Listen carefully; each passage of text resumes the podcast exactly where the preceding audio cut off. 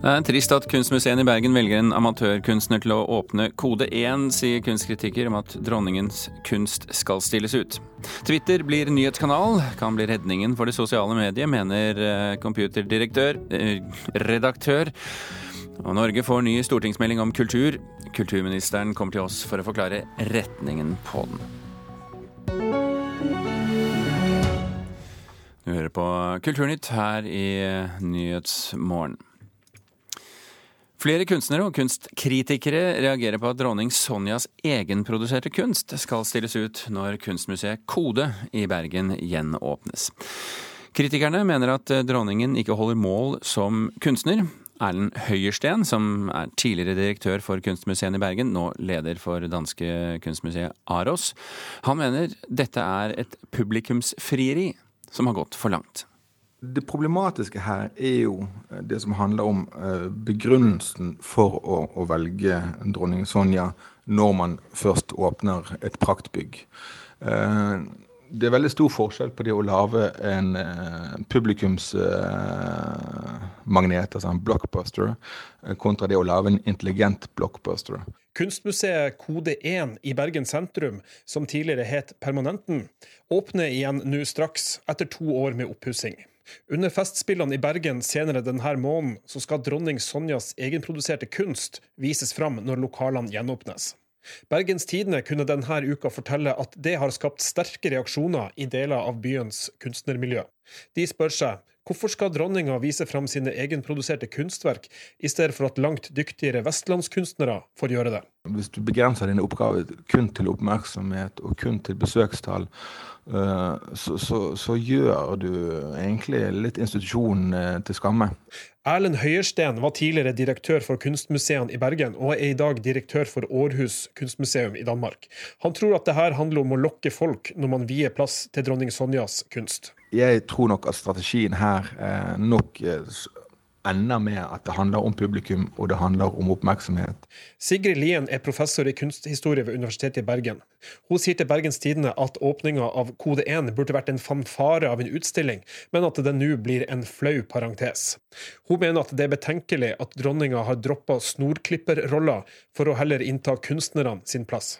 Erlend Høiersten sier at han så langt ikke har sett noen god forklaring på hvorfor Kode 1 har valgt å gjøre det på denne måten. Det er ikke første gang verken den norske eller eh, danske dronning stiller ut eh, på museumsinstitusjoner. Men man skal ha en god argumentasjon for å gjøre det, mener jeg. Uten tvil.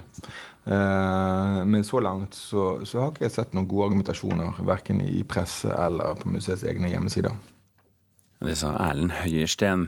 Og i en SMS svarer Slottets kommunikasjonsavdeling at dronningen er beæret over å bli spurt, og at hun gleder seg til Festspillene i Bergen.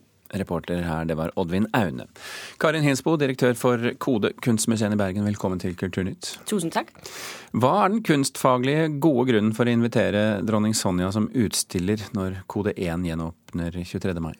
Nå er det viktig å tenke Kode 1-prosjektet i sin helhet. Det er et stort ø, ombyggingsprosjekt av et ø, prakt, ø, gammelt praktbygg fra 1896. Og det vi har fokus på som museum, det er samlingen vår øh, som er ganske omfattende. Vi er oppe på 50.000 gjenstander. Og det store fokus i denne her har vært på å få frem så mye av samlingen som mulig. Så når vi åpner i en helt ny form, hvor mye mer bygget blir tilgjengelig, så blir også mye mer av samlingen tilgjengelig. Så der vi før kunne vise under 10% kan vi nå vise 50% av samlingen ja, det, det, har vært vårt fokus. Ja, Det er vel og bra, Hinsbo, men ikke desto mindre så er det jo ikke det vi snakker om. Vi snakker om dronning Sonja. Og hvorfor er det eh, kunstfaglig eh, på plass å invitere henne til åpningen?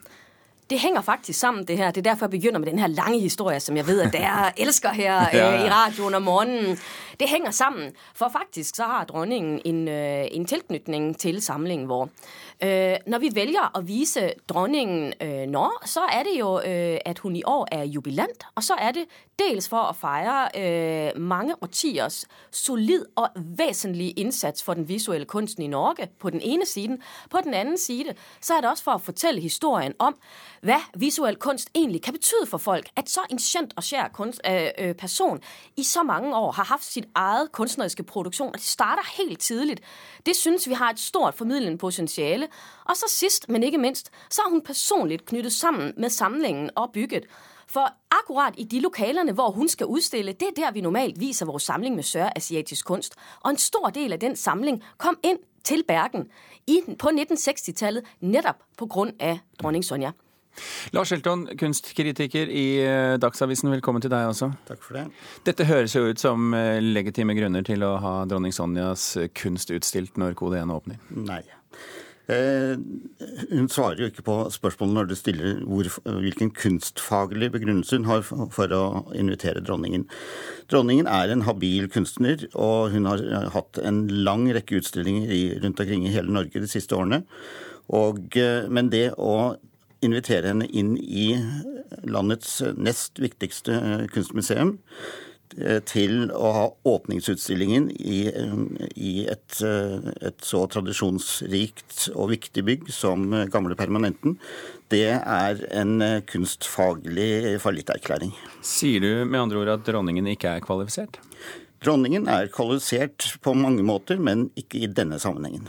Det er veldig mange andre kunstnere som hadde fortjent den utstillingsplassen veldig mye bedre. Skal vi pirke litt i det med kunstfaglig begrunnelse litt mer, Hinsbo? Ja, uh, Nå er det jo ikke den uh, eneste utstillinga. og det går litt, uh, kritikken har gått litt feil her. For vi åpner jo også vår store utstilling med, med Bergens Gullsmeds kunst. Sølvskatten den kommer også mm. å åpne på den dagen. Og så blir Singersamlingen gjort permanent tilgjengelig. Pluss den store samling av kunsthåndverk og design. Og i vår butikk vil vi også fokus på lokaldesign. Så, så Men ikke desto mindre, når dere velger én kunstner som skal, skal vises til med sin nye kunst, så er det altså dronningen? Ja, Uh, og igjen så det, handler det jo om samlingen her, og hun har en historikk med den samlingen. Uh, jeg mener jo at, uh, at, hennes kunst er utrolig interessant. Det forteller en, en viktig historie om kunstens betydning, også personlig historie. Og så har dronningen jo samarbeidet med flere anerkjente kunstnere. Og vi har jo Lars Elton selv her i studiet som erklærer henne for en habil kunstner. så jeg det, er, det er forskjell på habil og, og kunstfaglig riktig valg.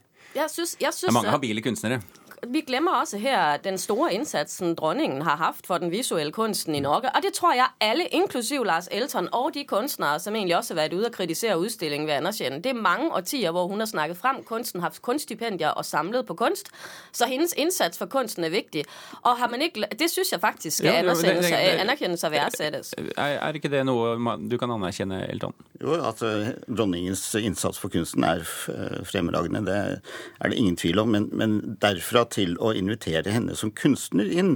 Altså Det er en, en forskjell på hennes rolle som kunstpromotør og som snorklipper og åpnings- og kaster glans, og hennes rolle som kunstner. Og Som billedkunstner så er hun som sagt, hun er habil, men hun er ikke, mer, hun er ikke i elitedivisjonen. Men er ikke og, der, og en åpningsutstilling på det museet, når denne bygningen gjenåpner, da skal man plukke en i toppeliten. Men eh, Elton, er ikke poenget når man åpner, eller i dette tilfellet gjenåpner et uh, kunstmuseum, å få så mye oppmerksomhet som mulig, og få så mange mennesker som mulig til utstillingen? Um, og i så fall er ikke dronning Sonja et rett valg? Det er eh, helt klart et uh, veldig vellykket valg, for folk kommer til å strømme til. Altså, så den norske, siden er du ikke i tvil om? Det kunstinteresserte publikum elsker dronning Sonja. Men, men derfra til å, å Altså at, at publikums frieri skal skal styre Kodes kunstpolitikk, det syns jeg er eh, en fallitterklæring.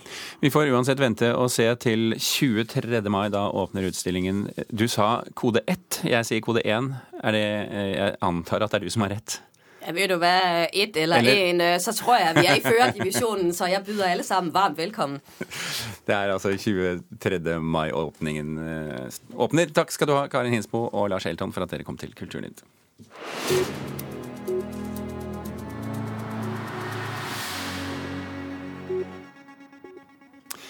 Det har vært eh, mange konflikter ved operaen i det siste som eh, du har fått med deg hvis du har hørt på Kulturnytt, både når det gjelder operasjefen og åremålsstillingen til solistene. Men i dag er det en annen operakonflikt som blir tatt opp på Stortinget, der kulturminister Linda Helleland må svare om pensjons- og ansettelsesforhold i operaen. Reporter Hans Olav Riise, hva er det kulturministeren nå må svare på?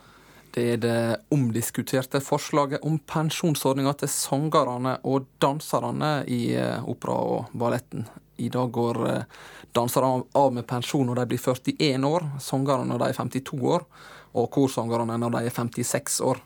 Regjeringa har foreslått at eh, pensjonsalderen skal være den samme, men at eh, pensjonen skal bli erstatta med tilbud om en treårig omstillingspakke. Og konfliktordet er vel kanskje litt vagt i denne sammenheng. Det har vært sterke stemmer. Ja, Musikernes Fellesorganisasjon eh, omtalte vel forslaget som ei rasering, og mener at f.eks. en ballettdanser vil kunne tape mellom åtte og ni millioner kroner. Men Arbeiderpartiet har uh, kommet ut i dag uh, og ønsker vel strengt tatt ikke være med på dette? Det er rett. I Dagsavisen i dag sier kulturpolitisk talsperson Anette Trettebergstuen at de vil forkaste hele forslaget til regjeringa. Hun mener det er dårlig politisk håndverk fra kulturminister Linda Helleland, og at situasjonen har blitt låst pga. dette. Så um, Hun mener tradisjonen er at pensjonsspørsmål skal bli håndtert gjennom forhandlinger med de ulike partene, ikke med rene forslag fra én part. Så um, nå vil de trekke hele høringsforslaget og starte på nytt. Ja, og Da får vi vente og se hva de kommer opp med. Vi skal fra én type konflikt til en helt annen type konflikt.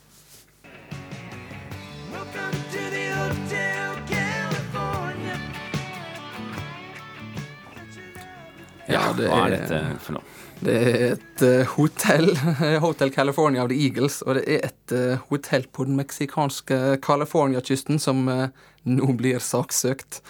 Eagles kom jo ut med Hotel California i 1976, mens et hotell åpna i 1950 der nede.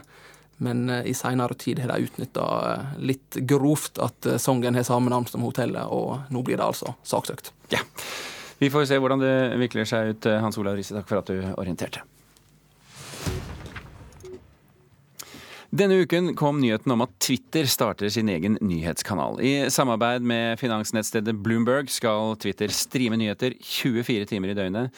I tillegg til egne reportasjer skal kanalen også vise utvalgte forhåndsgodkjente videoer fra Twitter-brukerne. Og Jan Birkeland, ansvarlig redaktør i Computer World, velkommen eh, til oss i studio fra Drammen. Takk skal du ha.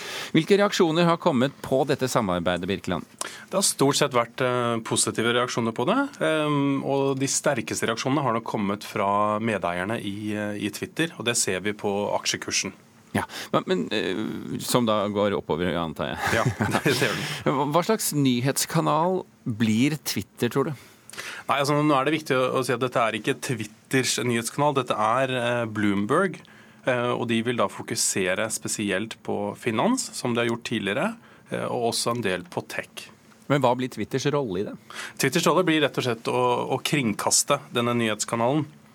Så, så, så, det vil ligge et eh, lite, hva skal vi si, et lite ikon eller et en liten rute eller noe sånt noe på Twitters uh, side? da, eller?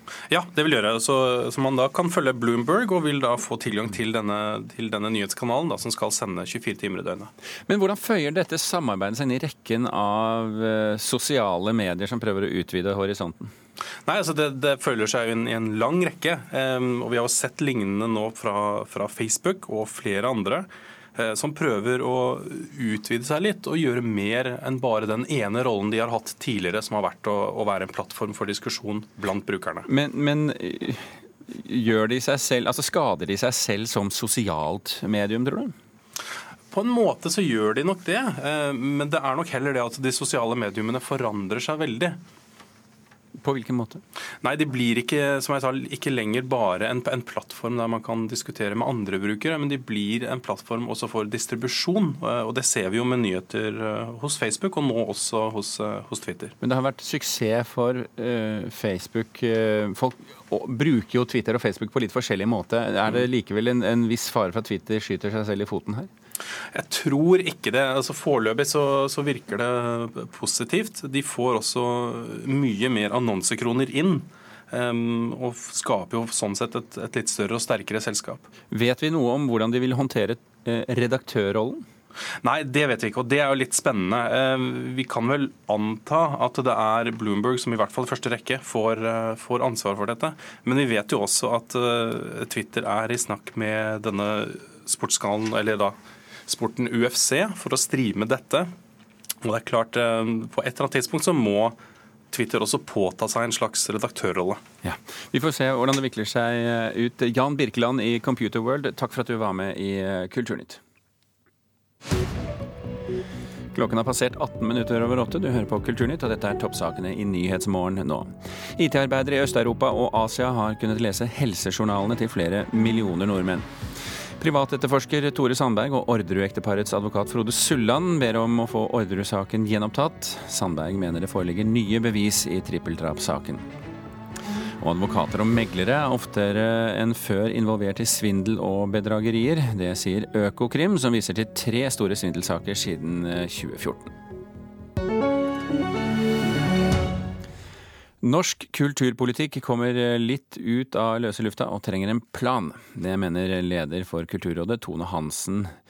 Hun øh, sier at hun ja, Slik sett får hun svar på tiltale, for i dag eh, svarer kulturminister Linda Hofstad Helleland øh, arbeidet med å lage den første norske kulturmeldingen på 14 år, uten at alle nødvendigvis vet hva som menes med en kulturmelding. Hva syns du en ny kulturmelding bør inneholde? Hva mener du med en ny kulturmelding? Da? Ah, jeg må tenke litt, tror jeg. Det var ganske vanskelig spørsmål, egentlig. Jeg vet ikke. Det er vel kanskje ikke noe sånn som man går og tenker på. Det er ikke så mange av dem vi møter på Universitetet i Oslo som vet hva en kulturmelding er. Men en av dem er inne på noe. Det kan hende det er en ny stortingsmelding om hva slags kulturforslag man skal ha for de neste årene. Jeg vet ikke. Det er ganske riktig. En kulturmelding er en melding som legges fram for Stortinget, og som skal danne grunnlaget for kulturpolitikken i årene framover. Kulturminister Linda Hofstad Helleland har satt i gang arbeidet for å lage den første kulturmeldingen på 14 år, og i dag er oppstartskonferansen for arbeidet. Rådsleder for Kulturrådet, Tone Hansen, er en av dem som tidligere har etterspurt en ny kulturmelding. Jeg vil ha en ny kulturmelding fordi jeg mener at vi trenger å styre norsk kulturliv etter en plan. Det vi har opplevd det siste året er at det skjer veldig mange ting, både godt og dårlig som kommer litt ut av løse lufta. og Det hadde vært fint å kunne sett det ut fra en mye sånn, en klarere politisk og konstruktiv retning. Hansen nevner eksempler som hvordan Kulturrådets kontor ble opprettet i Bodø, og plasseringen av kontoret Kreativt Norge. Hun mener det hele virket litt tilfeldig. Så det, det er selvfølgelig på grunnlag av de tingene der at vi ønsker å få en få se politikken litt, da. Vise oss kortene. Det er mange aktører som ønsker oppmerksomhet i en ny kulturmelding og Kulturalliansen er en av dem. Dette er organisasjonen for korps og andre frivillige kulturorganisasjoner. Vi forventer jo at det frivillige kulturlivet i Norge får en sentral plass i kulturmeldinga. Sier Kjetil Aamann, styreleder i Kulturalliansen. Både fordi at det er viktig for eh, befolkninga i Norge, men også fordi at vi er en viktig arbeidsplass for profesjonelle kulturutøvere. Nei, vi, vi synes at, at, er det noe som fortjener en, en sentral rolle i denne kulturmeldinga som er varsla, så, så, er det det frivillige Kultur-Norge. Også billedkunstnerne har forventninger til en slik melding. Ja, Det viktige for oss det er jo at eh, kunsten har en egenverdi.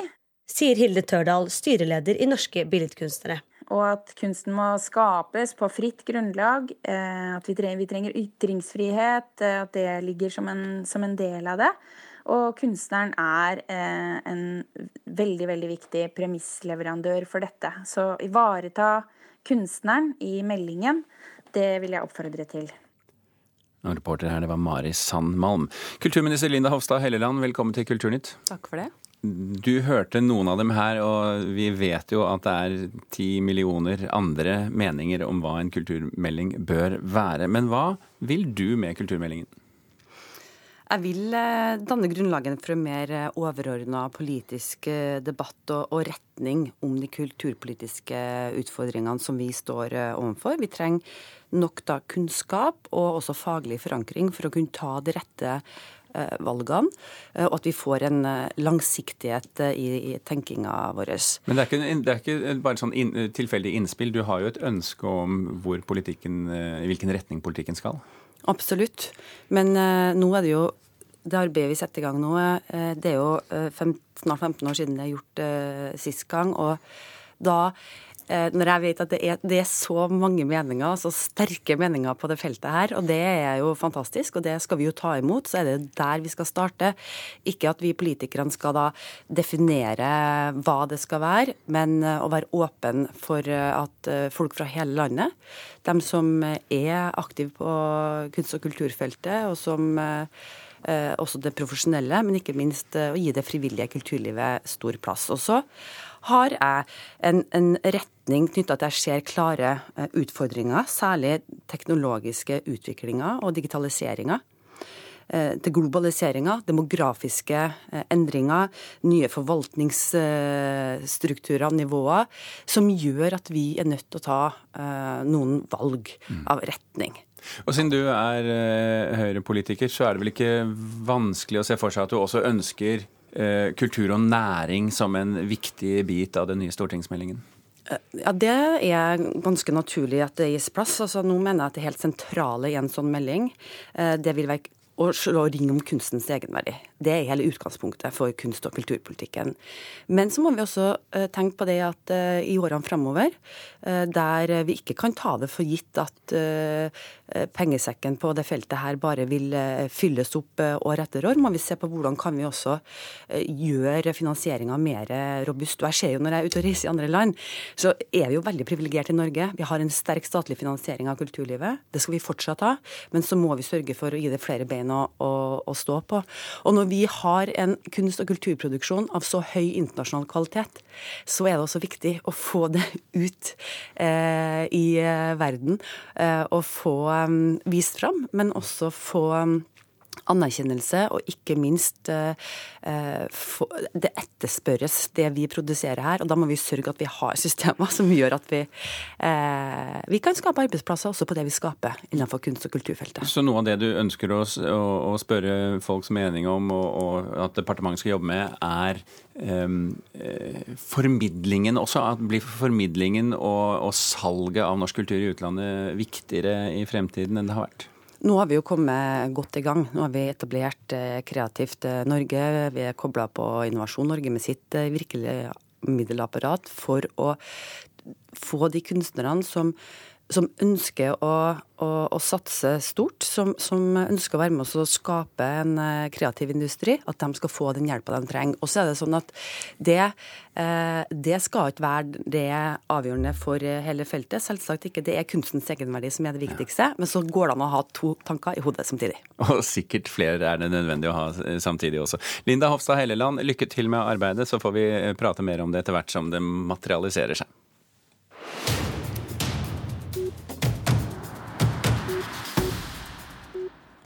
Min arabiske vår er en tunisisk film som fikk prisen for beste debutfilm og Sølvbjørnen for beste skuespiller under filmfestivalen i Berlin i 2016. Vår anmelder Sigurd Vik mener dette er et fornøyelig karakterdrama som også klarer å si mye om det tunisiske samfunnet etter revolusjonen i 2011.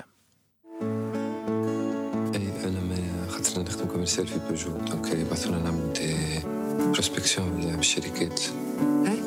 Min arabiske vår er en stillferdig og fornøyelig film om en ung manns kamp mot avgjørelsene som blir tatt på hans vegne.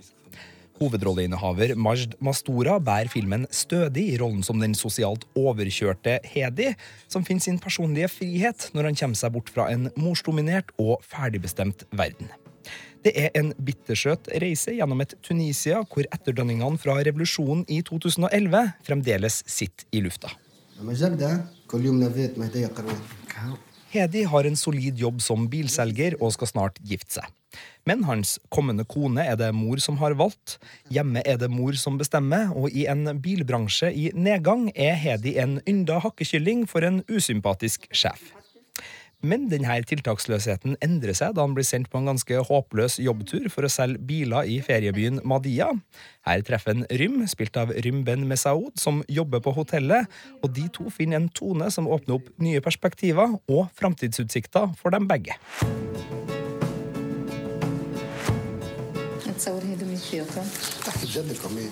Majd Mastora vant Sølvbjørn på filmfestivalen i Berlin for sin hovedrolle. Og Hedi er en figur som foldes ut på nydelig vis etter hvert som den inneslutta 25-åringen blomstrer til liv. Både som arbeidstaker, som sønn, som elsker og som sviker klarer Mastora å gi en troverdig og poengtert prestasjon som viser en mann som hele tida er outsider, men likevel finner tilhørighet i alle sosiale settinger.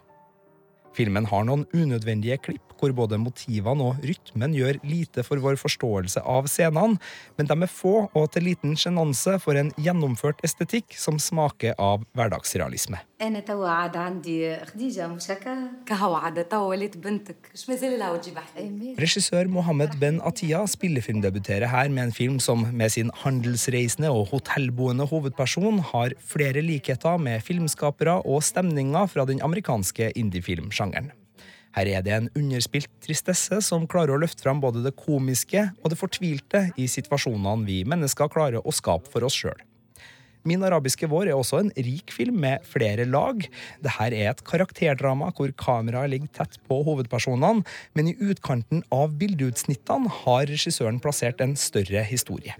Der ser vi glimt av sosial urettferdighet, strenge tradisjoner og økonomiske utfordringer som gir dybde og klangbunn til en film med stort tolkningsrom i spennet mellom stat, familie og personlig frihet. Og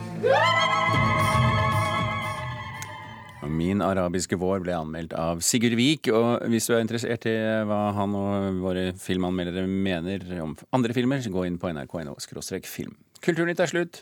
Gjermund Jappé og Birger Kålsrud Aasund takker for følget. Snart kommer det nyheter her på kanalen. Hva nå, Europa? Temadag i NRK P2. EU-vennlig Macron møter euroskeptikeren Le Pen i et fransk presidentvalg som kan bli avgjørende for hele Europa. The United Kingdom is leaving the European Union.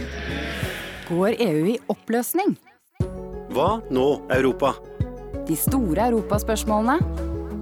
Temadag i hele dag på NRK P2. Hør flere podkaster på nrk.no podkast.